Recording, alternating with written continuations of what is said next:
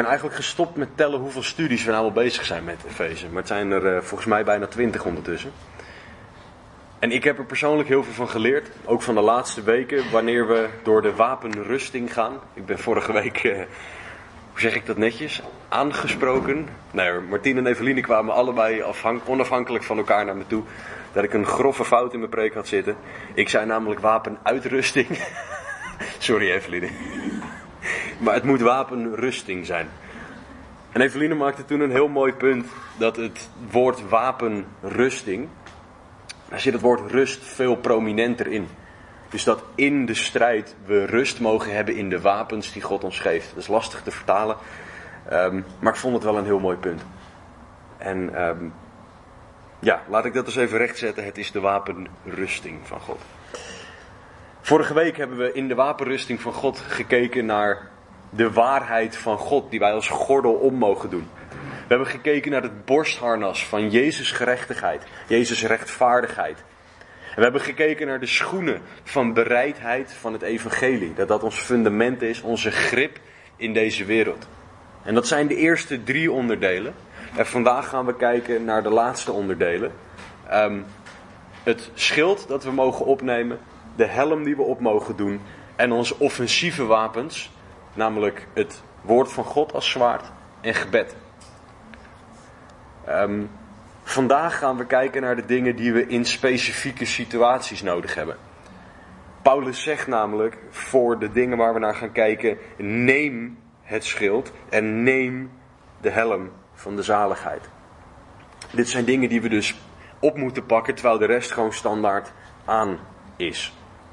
Want Gods waarheid moet altijd bij ons zijn. Jezus' rechtvaardigheid moet ons altijd bekleden.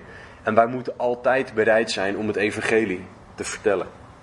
Maar de overige drie hebben we nodig op de momenten dat de geestelijke strijd heel erg dichtbij komt. Dus ik wil samen met jullie, zoals we de afgelopen maanden gedaan hebben, indien mogelijk vragen om te gaan staan. Om samen Efeze 6, vers 10 tot en met 18 te lezen. En dan gaan we vanaf daar, gaan we er samen doorheen. Paulus zegt in Efeze 6 vanaf vers 10 verder. Mijn broeders, wordt gesterkt in de Here en in de sterkte van zijn macht. Bekleed u met de hele wapenrusting van God, opdat u stand kunt houden tegen de listige verleidingen van de duivel. Want wij hebben de strijd niet tegen vlees en bloed, maar tegen de overheden, tegen de machten, tegen de wereldbeheersers van de duisternis van het tijdperk, tegen de geestelijke machten van het kwaad in de hemelse gewesten. Neem daarom de hele wapenrusting van God aan, opdat u weerstand kunt bieden op de dag van het kwaad en na alles gedaan te hebben stand kunt houden. Houd dan stand, uw middel omgord met de waarheid en bekleed met het borstharnas van de gerechtigheid en de voeten geschoeid met bereidheid van het evangelie van de vrede. Neem bovenal het schild van het geloof op, waarmee u alle vurige pijlen van de boze zult kunnen uitblussen. En neem de helm van de zaligheid en het zwaard van de geest, dat is Gods woord. Terwijl u bij elke gelegenheid met alle gebed en smeking bidt in de geest en daarin waakzaam bent met alle volharding en smeking voor alle heiligen. Heere God, dank u wel. Dank u wel voor dit stuk, stuk tekst. Dank u wel, heren, dat u uzelf wil laten zien hier doorheen. Dat u tot ons wil spreken. En mijn gebed is dan dat u door mij heen zult spreken. Dank u wel, heren, dat u dat kan. Dank u wel, heren, dat u dat ook gaat doen. Laat uw woorden klinken. Want uw woorden raken de harten van mensen. Niet mijn woorden. Dus heren, spreekt u tot de harten, tot de zielen. Doet u uw wil en uw werk vandaag alsjeblieft. Heren, dat bid en vraag ik in Jezus' naam. Amen. Ga alsjeblieft zitten.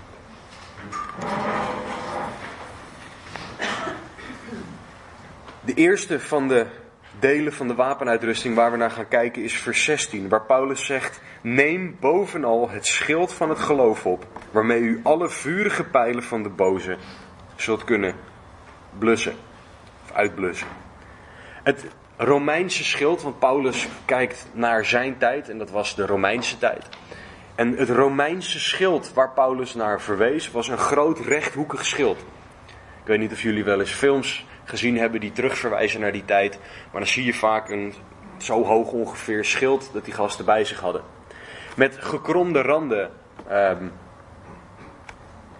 Dat schild had gekromde randen. En dat werd door de Romeinen gebruikt voor verschillende dingen. Ten allereerste voor bescherming.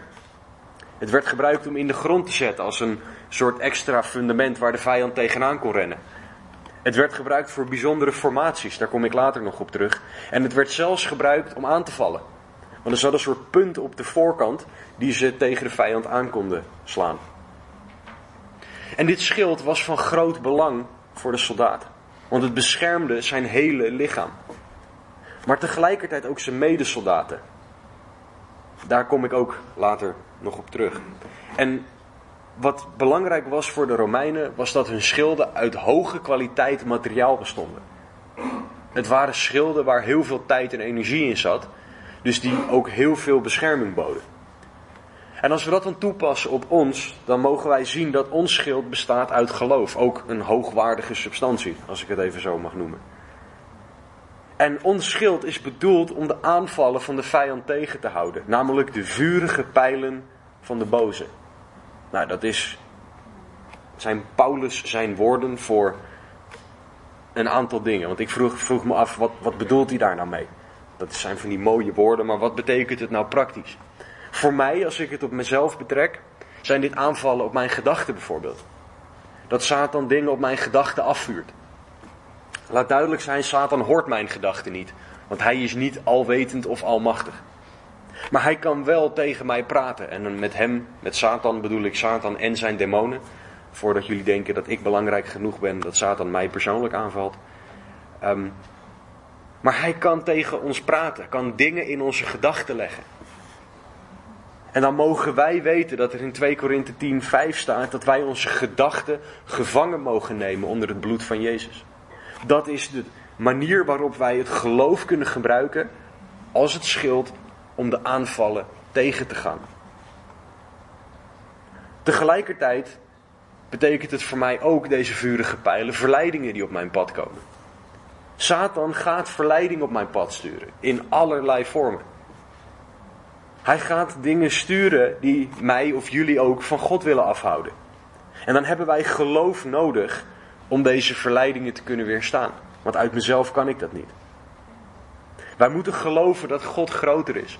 Wij moeten geloven dat God te vertrouwen is. Dat Hij beter weet dan ik zelf wat goed is. Want als ik dat geloof, zal ik me vasthouden aan wat God zegt in de plaats van aan wat de Satan zegt. Want het is ook daadwerkelijk, het is of het een of het ander. Er is die reclame van magie, een beetje magie en een beetje van jezelf. Zo werkt het bij God niet. Het is zwart of het is wit. Grijs bestaat niet voor God. Dus het is of luisteren naar God of luisteren naar Satan. En het Romeinse schild bestond uit hout en metaal. Ons schild bestaat uit geloof. betekent dit nou dat mijn bescherming tegen aanvallen van de Satan afhangt van de kwaliteit en de kwantiteit of hoeveelheid van mijn geloof? Van hoeveel ik er zelf van kan opbrengen? Nee. Het gaat om geloof dat God geeft. Efeze 2:8 zegt dat wij geloof van God krijgen. Galaten 5:22 maakt duidelijk dat geloof een vrucht van de geest is. Iets dat we van God krijgen. Maar om nog een stapje terug te doen, wat is geloof eigenlijk? Want ik heb het woord nou al een aantal keer gebruikt, maar wat is het? Hebreeën 11 vers 1 zegt, het geloof nu is een vaste grond van de dingen die men hoopt en een bewijs van de zaken die men niet ziet. Bijbels geloof is dit. Je vertrouwt op iets dat je niet ziet, maar waarvan je zeker bent dat het komt. Je vertrouwt dat God van je houdt. Je vertrouwt erop dat God jou redt door Jezus offer. Je vertrouwt erop dat God jou rechtvaardig maakt en dat je dat zelf niet kan verdienen. Je vertrouwt erop dat de God van hemel en aarde naar jou omziet. Dat is geloof dat God ons geeft. Dat is wat wij mogen hebben. Dit is waarom Hebreeën 11.1 zegt dat het een vaste grond is. Het is zekerheid. Ondanks dat ik niet duidelijk kan maken 100% waarom. Het is een beetje het idee van ik weet dat ik weet dat ik het weet. Ik weet het gewoon.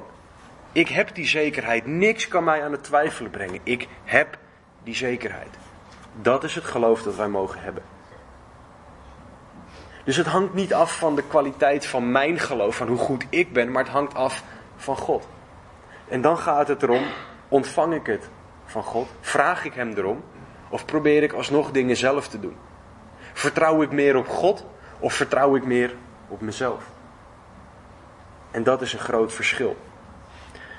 Bijbelcommentator Barnes heeft het volgende gezegd over het geloof in, in relatie tot het schild. Hij zegt het, het geloof komt hem of haar te hulp in elke aanval die op hem afkomt, ongeacht van welke kant. Het is de verdediging en bescherming van elke christelijke eigenschap. En dan heeft hij het over de genade, de liefde, de dingen die wij horen te uiten. En het bevestigt de beveiliging die de christen nodig heeft in de gehele geestelijke strijd. Wij hebben dit geloof, dit schild nodig. Want het beschermt ons. Ik zei net dat ik nog op een aantal dingen terug zou komen. Nou, dat ga ik vanaf nu doen. Want Paulus die denkt vanuit de Romeinse oorlogsvoering. En vanuit die gedachte kunnen wij heel veel leren over dit schild als christenen. Gewoon een heel bazaal, basic statement, maar het schild is belangrijk.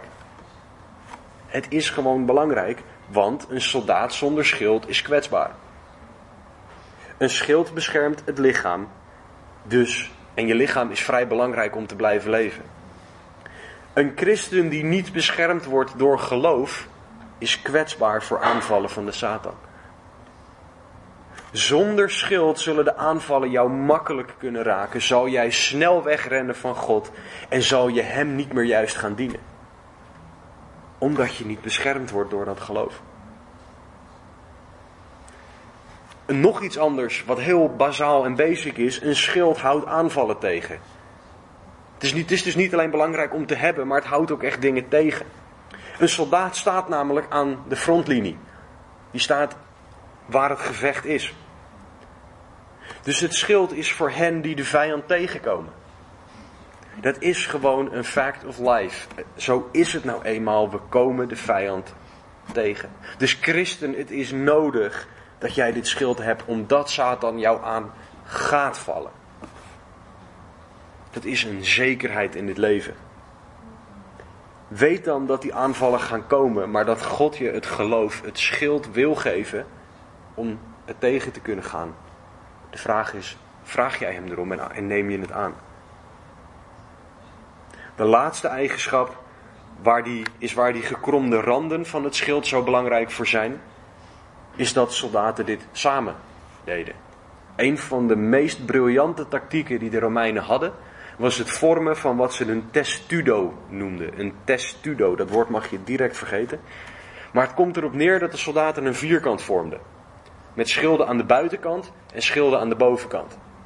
En wat er dan gebeurde, ze konden gaan, gaan knielen, raakten die schilden de grond en werden ze van, van alle kanten waren ze beschermd. Zo kon de tegenstander doen wat ze wilden, maar ze konden er niet doorheen. Ze waren één muur, ze konden die schilden in elkaar klikken. Dan had je één muur aan schilden waarvan de vijand er alleen maar tegenaan kon rennen. Christen, je gaat niet alleen door het leven. Als jij denkt dat je het alleen kan als christen, sta je, ga je heel snel erachter komen dat dat niet kan. We zijn samen christen. Wij horen samen dit schild, deze strijd in te gaan. Wij horen één muur te vormen. één muur van geloof, één muur van gebed, één muur van liefde. Maar dat kan alleen als je ook echt samen bent. Als jij christenen om je heen hebt en verzamelt. Om samen één mee te zijn. Want in je eentje ben jij een heel makkelijk doelwit voor de Satan. Een eenzaam schaap is een dood schaap. Want schapen worden makkelijk gepakt. Wij horen als één lichaam God te dienen en er voor elkaar te zijn.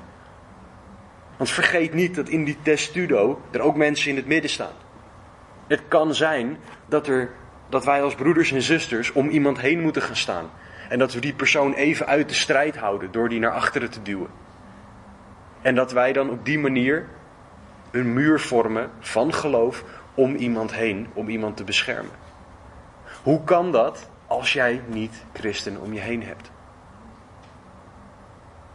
Wij hebben dit schild nodig. En dit samen vereist iets van ons allemaal. En dat vereist iets heel engs en iets wat we allemaal niet zo makkelijk doen. Dat is namelijk je leven met iemand delen. En daarmee bedoel ik niet op dezelfde manier zoals je dat met je partner hoort te doen. Maar open je hart.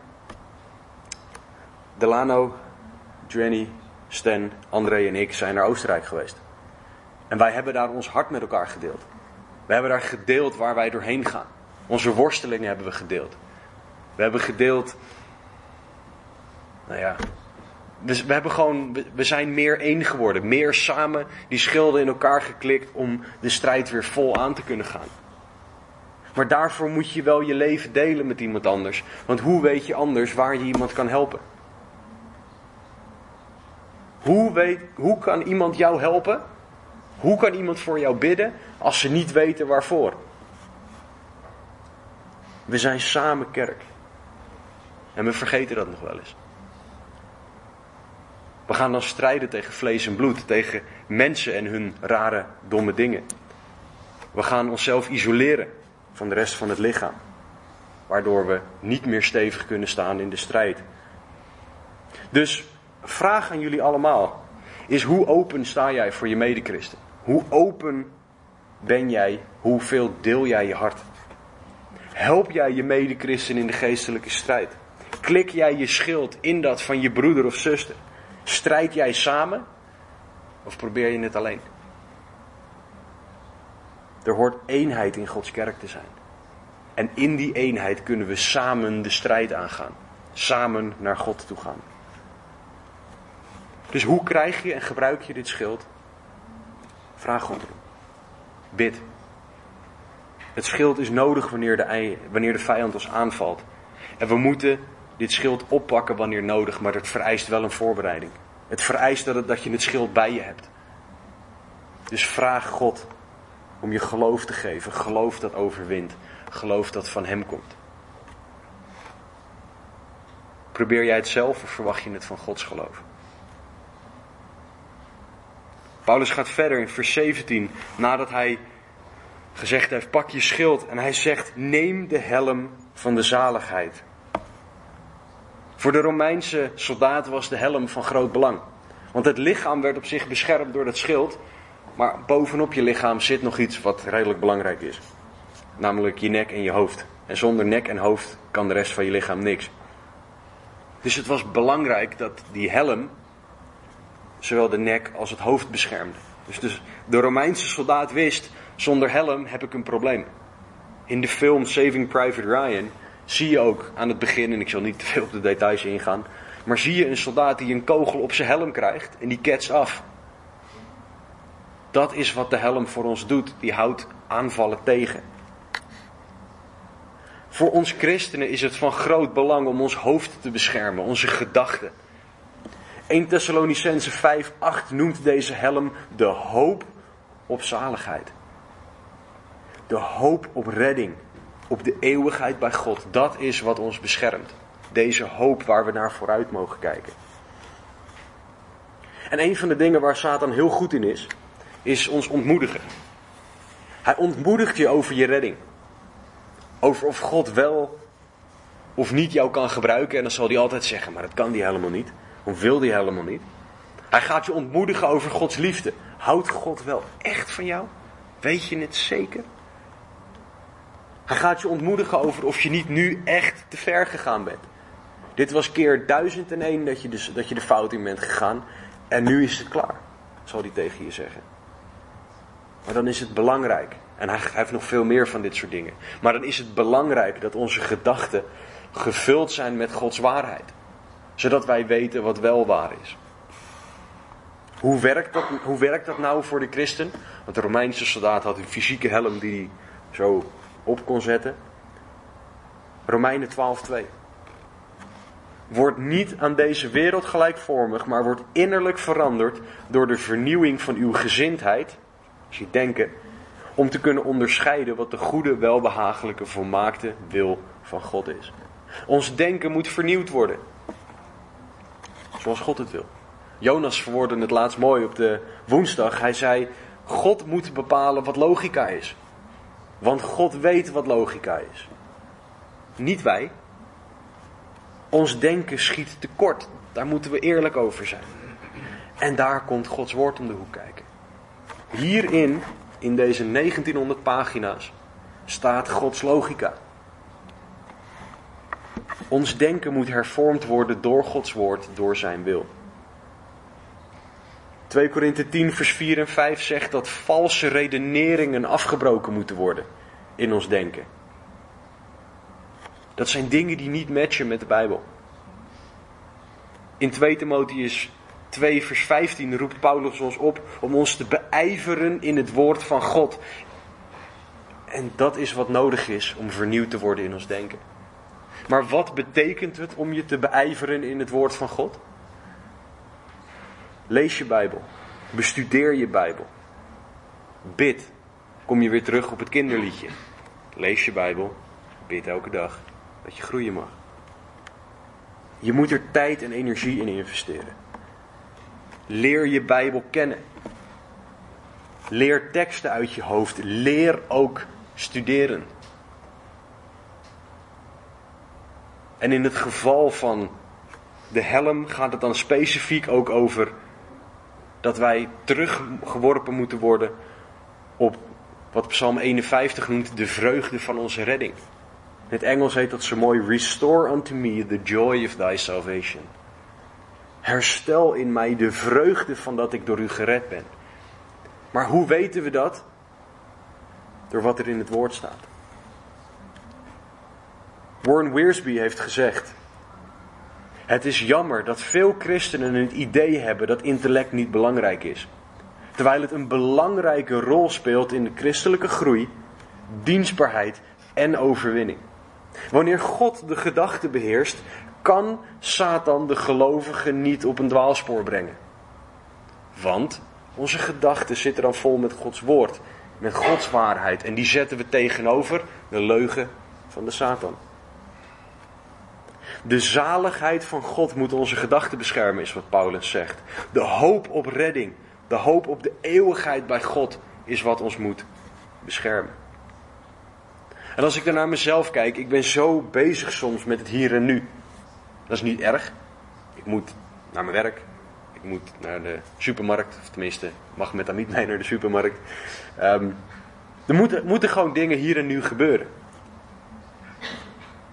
Maar soms vergeten we door de dingen van nu de toekomst die voor ons ligt. Soms vergeten we de toekomst bij God. Door onze omstandigheden hier. Paulus roept ons op om onze ogen gericht te houden op onzichtbare dingen. En dat kan niet. Tenzij God je geloof geeft. Dan ga je opeens zien dat er hoop is. Zien dat er redding is, dat er vrede is, dat er rust is bij God. En dat geloof en hoop op eeuwigheid bij God hebben we nodig. Dat zal de aanvallen van de Satan weerstaan. Als je weet, dit is van korte duur, in de eeuwigheid ben ik bij God. En God overwint. Dus mijn vraag aan jullie is: wie of wat beheerst jouw gedachten? Waar zijn jouw gedachten op gebaseerd? Is dat een zelfhelpboek? Is dat Dr. Phil? Oprah? Waarmee vul jij jouw gedachten? Let alleen al op of je de radio aanzet. En dan bedoel ik even 538 en dat soort dingen. Of dat je aanbiddingsmuziek aanzet. Of een preek. Daarmee vul jij al jouw gedachten. Waarmee vul jij jouw gedachten? Wat laat jij toe in je gedachten? Vul je gedachten met het woord van God. Want op het moment dat wij ons onze gedachten vullen met Gods woord, zullen we het tweede deel van vers 17 kunnen gaan doen. Paulus zegt: En neem het zwaard van de geest, dat is Gods woord. Dus hij heeft gezegd: Pak het schild. Doe je helm op. Pak je zwaard. En wij hebben, tenminste, ik had altijd een soort middeleeuwen, idee van dat zwaard. Van die hele lange Lord of the Rings-achtige zwaarden waarbij je een arm van drie meter moet hebben om dat zwaard te kunnen pakken. Zo was het Romeinse zwaard helemaal niet. Dat was 50 centimeter lang. Dus dat is iets anders dan zo'n heel lang zwaard. Dat zwaard werd gebruikt in, zoals het in het Engels heet, close combat. Dus als de vijand dichtbij is. Is gewoon bijna een soort zakmes. Alleen dan iets groter. En voor de christen is het zwaard Gods woord. Maar de vergelijking komt van een zwaard dat zo lang is. De vijand komt dichtbij. Jezus heeft ons het perfecte voorbeeld gegeven van hoe dit werkt. Jezus had de Satan fysiek naast zich in Lucas 4. En hij streed met Gods woord. Hij hield hem niet op een afstand met dat zwaard. Satan kwam dichtbij. En toen kon Jezus tegen hem strijden. Hoe? Door het woord te citeren. Jezus had als mens, ondanks dat hij God was, niet zelf de kracht om te overwinnen, maar hij had de kracht van Gods woord nodig. Daar koos hij voor, doordat hij mens werd. En datzelfde geldt voor ons. Wij hebben de kracht van God nodig om de vijand te weerstaan. En ik denk dat een van de dingen die in de kerk, en dan bedoel ik de kerk wereldwijd, waar ik alle kerken onderschaar die Jezus Christus navolgen, een heel groot issue is. Namelijk dat wij twee dingen onderschatten. Eén, de kracht van Gods woord en twee, de kracht van gebed. De kracht van gebed kom ik straks op terug. Maar wat Satan heel slim heeft gedaan, is dat hij ons af weet te houden van Gods woord en dat wij bezig gaan zijn met nutteloze dingen. Ik zeg niet dat alles wat wij doen nutteloos is, maar ik denk dat als wij het allemaal naast de meetlat van Gods woord gaan leggen, dat een hele hoop weg zou vallen. Moeten wij ook, als Calvary Chapel Haarlemmermeer, kritisch doen, want ook wij zijn geen perfecte gemeente. Maar om jullie een idee te geven van de kracht van Gods woord, wil ik een aantal versen met jullie delen. In Johannes 1, vers 1 staat er: In het begin was het woord. Het woord was bij God en het woord was God. Dus op het moment dat wij het woord lezen, lezen wij God. Leren wij God beter kennen. Wij leren Gods hart zien in de Bijbel. Matthäus 24, 35. De hemel en de aarde zullen voorbijgaan, maar mijn woorden zullen zeker niet voorbijgaan, zegt Jezus. Gods woord is voor eeuwig. Johannes 17, 17. Heilig en door uw waarheid, vraagt Jezus. Uw woord is de waarheid. Als wij waarheid zoeken, moeten we in Gods woord zijn. Niet bij onze gedachten, niet bij wat mensen zeggen. Gods woord alleen. Laatste is Hebreeën 4:12. Want het woord van God is levend en krachtig en scherper dan enig tweesnijdend zwaard. En het dringt door tot op de scheiding van ziel en geest, van gewrichten en merg. En het oordeelt de overleggingen en gedachten van het hart. Dat is nog eens iets anders dan hoe de kerk van tegenwoordig, kerk, naar Gods woord kijkt. Het is iets heel anders. Er zit zoveel kracht in Gods woord. Zoveel kracht die wij mogen gebruiken in de geestelijke strijd. Het is een krachtig wapen om Satan te verslaan in de strijd. En de tactiek voor ons richting Satan is wat Jezus deed. Het woord citeren. Dat betekent misschien dat je je Bijbel er fysiek bij moet pakken, maar citeer het woord. Maar Satan die doet hetzelfde, want dat deed hij ook bij Jezus. Hij citeerde het woord naar Jezus, maar hij verdraaide het. Haalde het uit zijn context. Liet woorden weg of gebruikte versen die niet van toepassing waren. Dat doet hij ook bij ons. Het is belangrijk dat wij weten wat Gods woord echt zegt. Anders zullen wij vallen voor de woorden van de vijand. Dus de taak aan ons is om Gods woord elke dag beter te leren kennen. Lees je Bijbel, bid elke dag. Leer delen uit je hoofd. Vul jezelf met het woord van God zodat je het valse kan herkennen.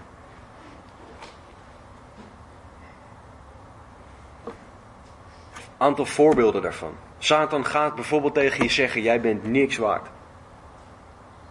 Zoveel mensen hebben issues met hoe ze juist naar zichzelf moeten kijken. Satan zegt: Jij bent niks waard. De Bijbel zegt: God houdt van jou en hij gaf zijn zoon voor jou. Johannes 3:16 en Romeinen 5:8 kan je daarop naslaan. Satan zegt: Je bent nu te ver gegaan. Deze zonde vergeeft God niet. En de Bijbel zegt: God vergeeft als wij de zonde beleiden. Het enige wat hij niet vergeeft, is als we hem afwijzen tot aan onze dood.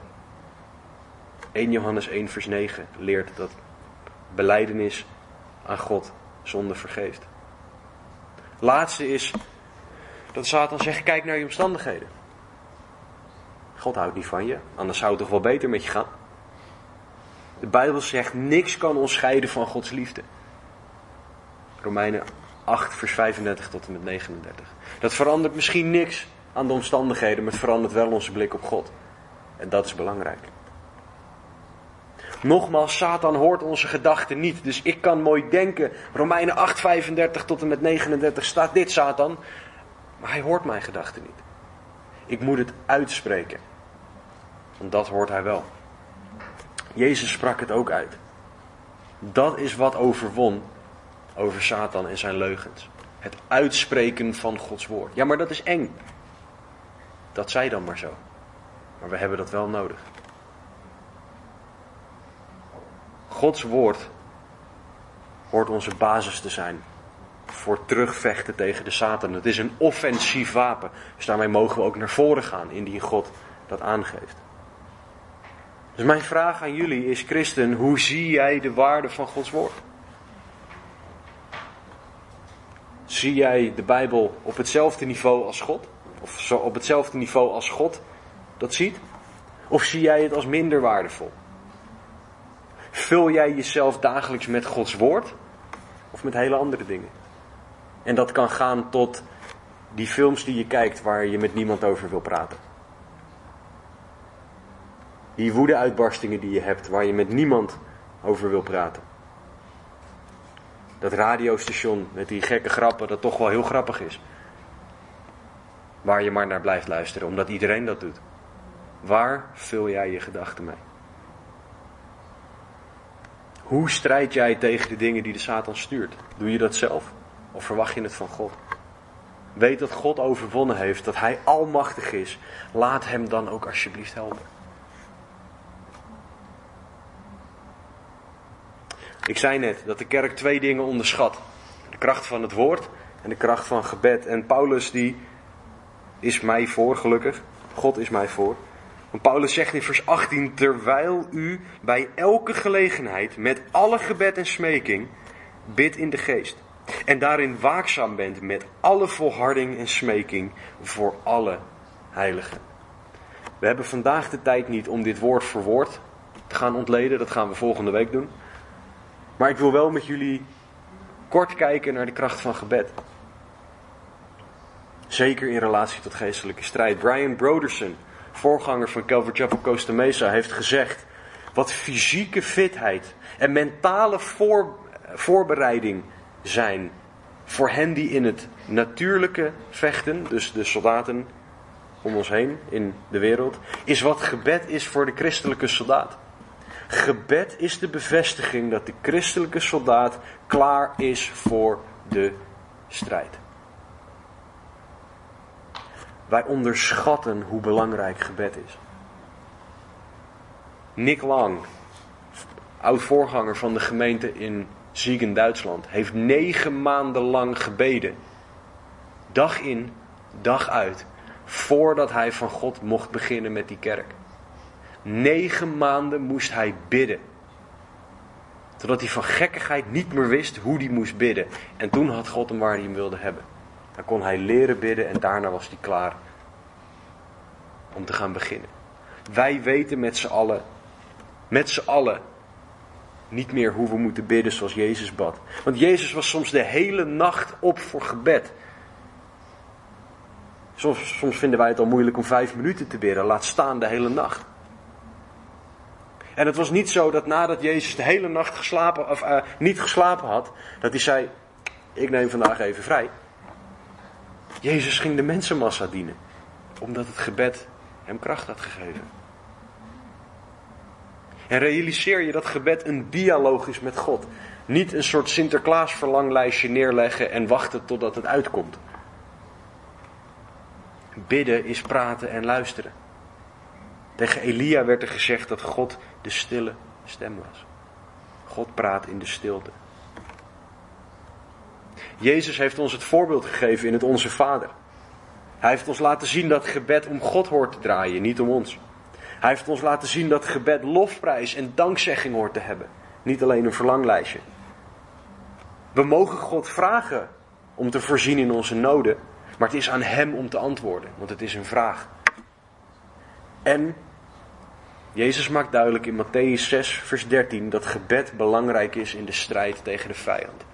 O Heere, leid ons niet in verzoeking, maar verlos ons van de boze. Jacobus 4:3 leert dat wij vaak niet krijgen waarom we vragen, omdat we verkeerd bidden. We bidden dan om iets wat wij zelf willen. Wij horen te bidden in Jezus' naam, zegt Jezus in Johannes 14. Maar is bidden in Jezus' naam je verlanglijstje opdreunen aan het zeggen: Ik bid in Jezus' naam, amen? Vaak denken wij van wel, maar dat is niet wat Jezus bedoelt. Bidden in Jezus' naam is bidden naar zijn wil. Het is het zijn van een ambassadeur van die ander en daardoor doen zoals die ander van jou verwacht. Het is bidden zoals hij bad, bidden zoals het woord dat leert. En het woord heeft heel veel te zeggen, Gods woord, over gebed. Maar de vraag is of wij luisteren. Kijken wij naar de voorbeelden die er zijn in het woord van mensen die bidden? Bijvoorbeeld bij de inwijding van de tempel, koning Salomo. Dat was een gebed. Als je kijkt naar de psalmen, wat voor gebeden daarin staan, heb ik nog een hoop te leren. Zeker als ik mezelf vergelijk met Psalm 119. Weet je, het woord leert ons over de kracht van gebed, maar de vraag is of wij er gebruik van maken. Want we mogen weten dat God gebeden hoort 1 Koningen 9. Dat als we niet weten wat te bidden, de Heilige Geest voor ons bidt en met ons bidt. Romeinen 8. Wij mogen alles vragen wat er op ons hart ligt. Filippenzen 4. Wij horen te bidden zonder ophouden. Bidden zonder ophouden. 1 Thessalonicense 5. Wij horen, ik zal het herhalen, wij horen om gebed te vragen aan medechristenen. Het kan nooit zo zijn dat jij niks hebt om voor te laten bidden. Dan ben je perfect. Want anders kan je altijd nog de Heer loven en prijzen, omdat het zo goed gaat. Dus heb je iets om voor te bidden. Wij horen bewust te bidden, zegt 1 Korinthe 14. En wij mogen weten dat God de gebeden naar zijn wil verhoort. 1 Johannes 5. Gebed is belangrijk en gebed is sterk. En wat ik al zei, wij vinden het vaak moeilijk om vijf minuten te bidden.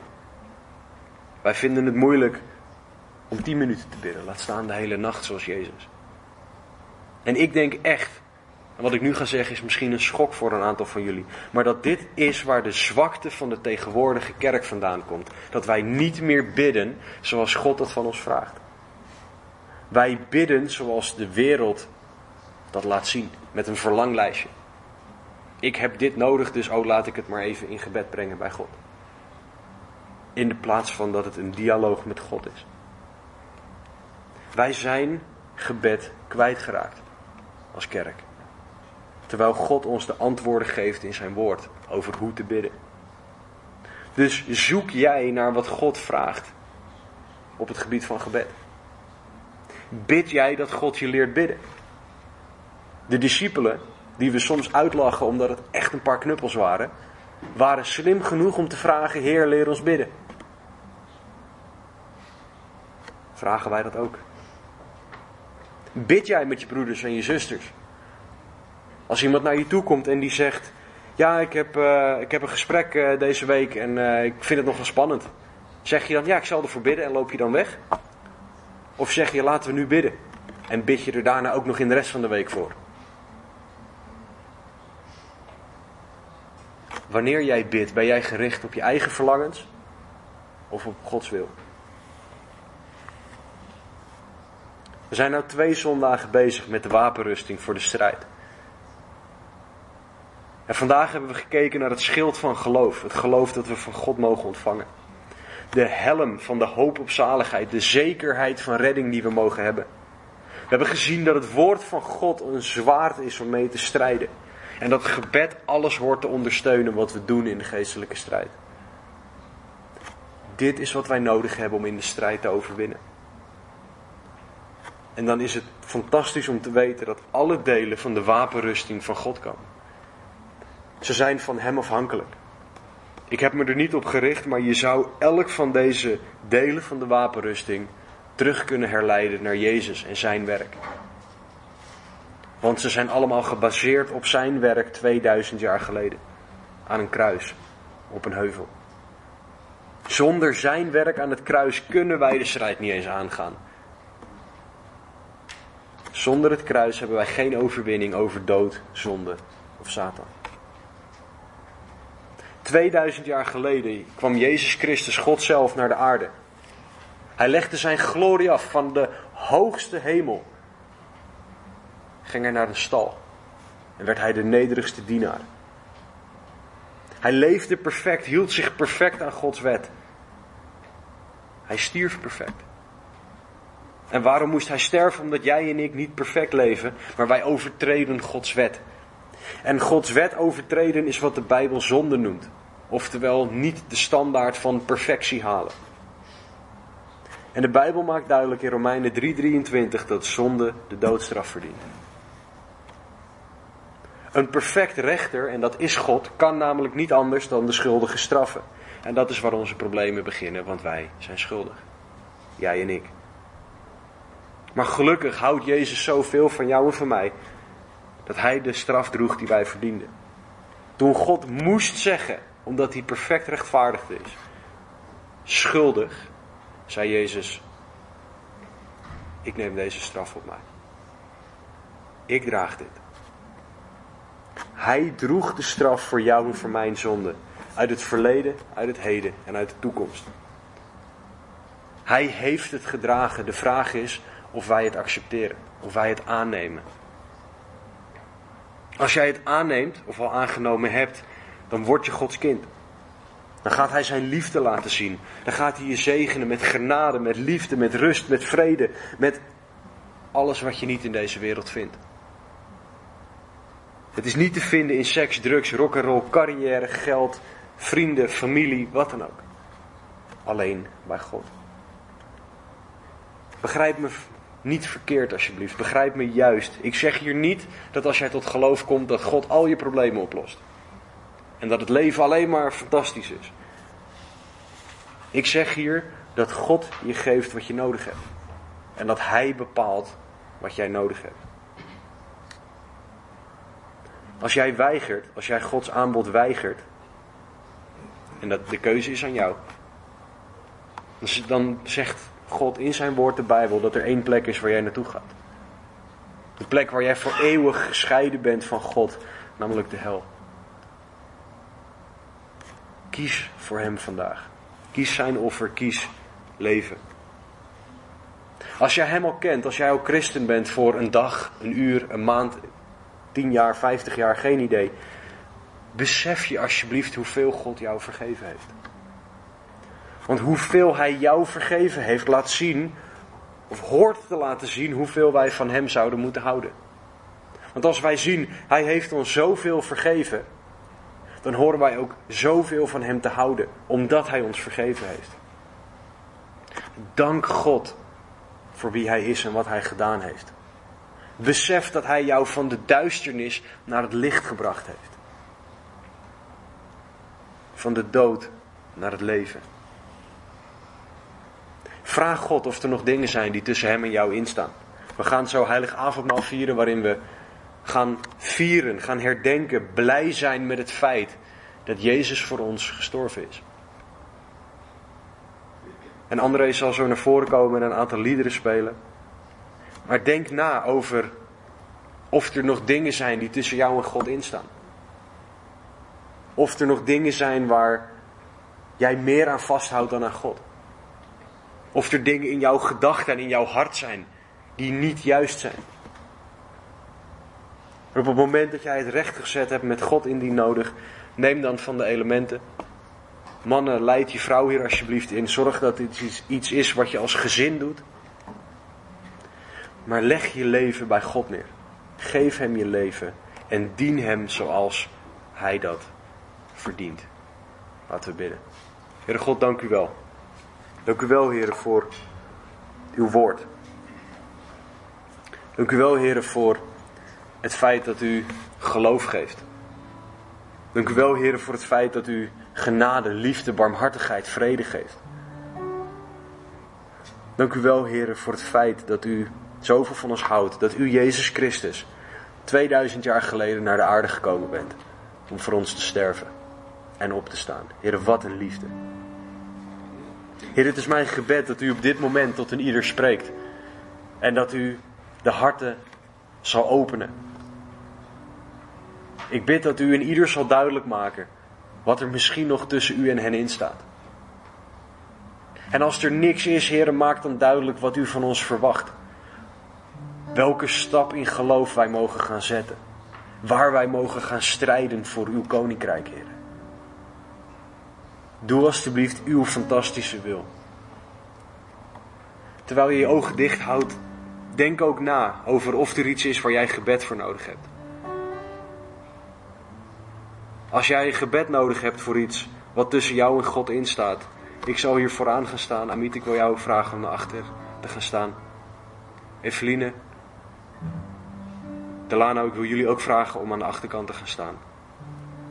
Als je gebed nodig hebt voor iets, als je een zonde wil beleiden en je wil met iemand daarvoor bidden. Als er iets anders is, als je gewoon gebed nodig hebt, ga naar iemand toe.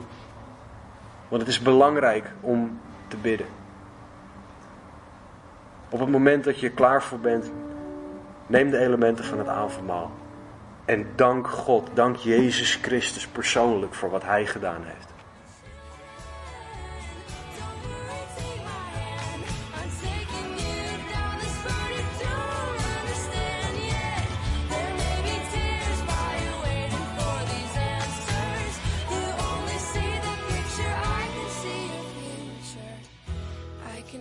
Right now, it's gonna be alright.